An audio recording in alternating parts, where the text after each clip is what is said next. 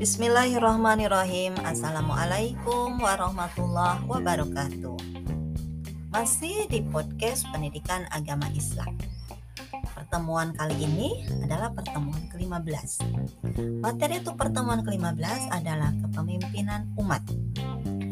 Allah Subhanahu wa taala berfirman di dalam surat An-Nisa ayat 58 Innallaha ya'murukum antu adul amanati ila ahliha.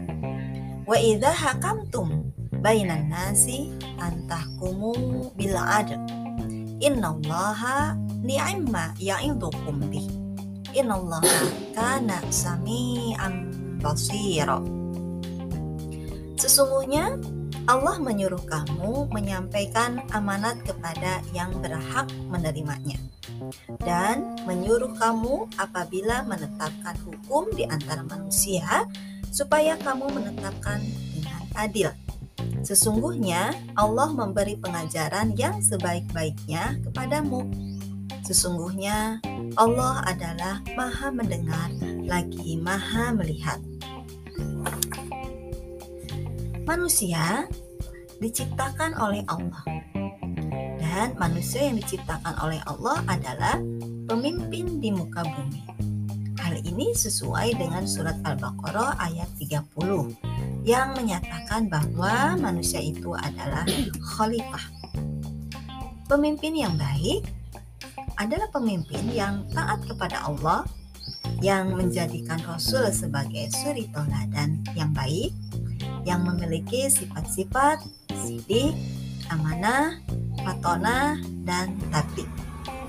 Seorang pemimpin harus adil, bijaksana, mensejahterakan rakyatnya, bukan mempersulitnya, dan memutuskan segala sesuatu perkara dengan menggunakan Al-Quran dan As-Sunnah. Di zaman Rasulullah atau di zaman kepemimpinan Rasulullah, terdapat beberapa lembaga pendidikan yang ini digunakan oleh umat Islam untuk melakukan proses pendidikan. Proses pendidikan di zaman Rasulullah dilakukan baik di Darul Arqam maupun di masjid atau di sufah dan di kutab.